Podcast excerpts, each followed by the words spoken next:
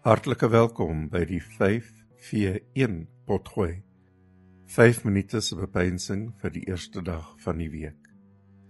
Ek is Martin Barnard, lid van die Predikerorde of wel Dominikaners in die Katolieke Kerk. Die 27ste Sondag van die jaarkring B. Tussen laas Sondag en vandag het Jesus vanuit heidense gebied gereis en is nou terug onder sy geloofsgenote in Judea.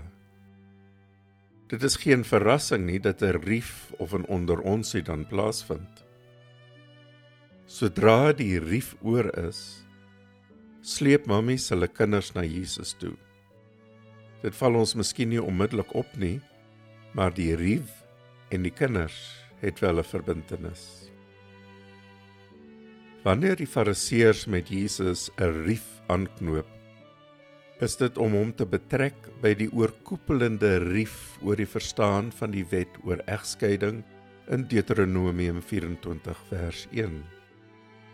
Daar was 'n behoudende of konservatiewe standpunt wat aangedring het dat egskeiding omrede iets onbehoorlik soos dit in die teks bevat is net op godslaster of afgodaanbidding gedui het. Soos dit in Deuteronomium 23:15 dui.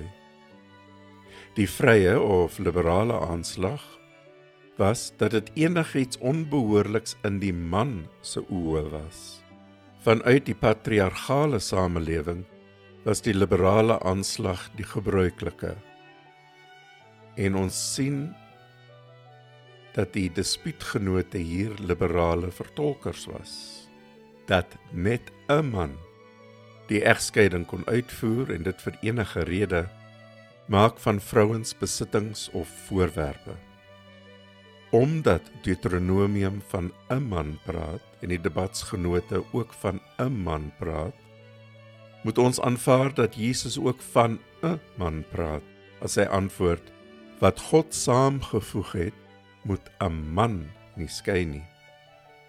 Dit wys op die weerloosheid van vroue in die samelewing. 'n Weerloosheid wat die gevolg van die mens se sondeval is en nie deel is van God se wil nie. Joodse gebruik het wel die wanbalans in egskeiding onjuis gevind. Jesus lig dit net uit.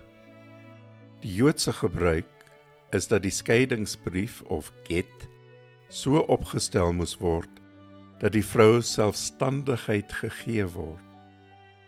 'n Selfstandigheid wat die tradisies van die samelewing haar nie gegee het nie.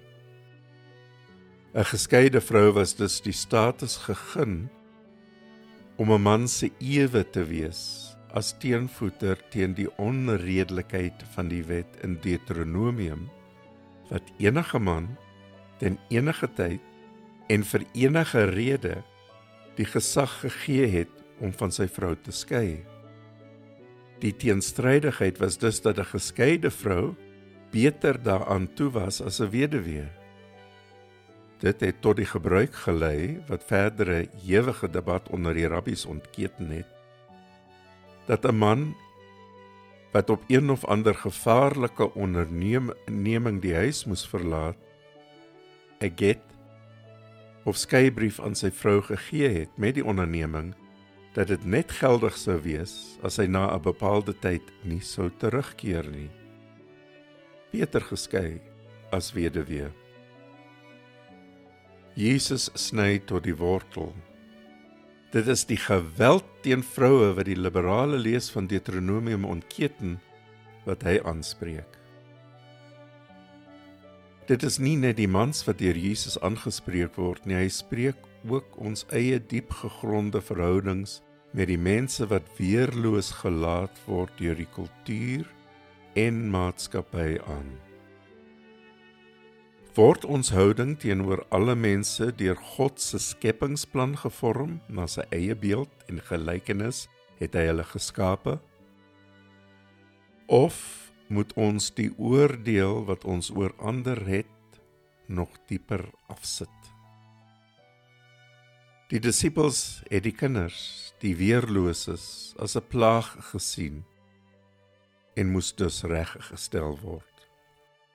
Watter houdings en dade teenoor ander moet ook in ons deur Jesus aangespreek word.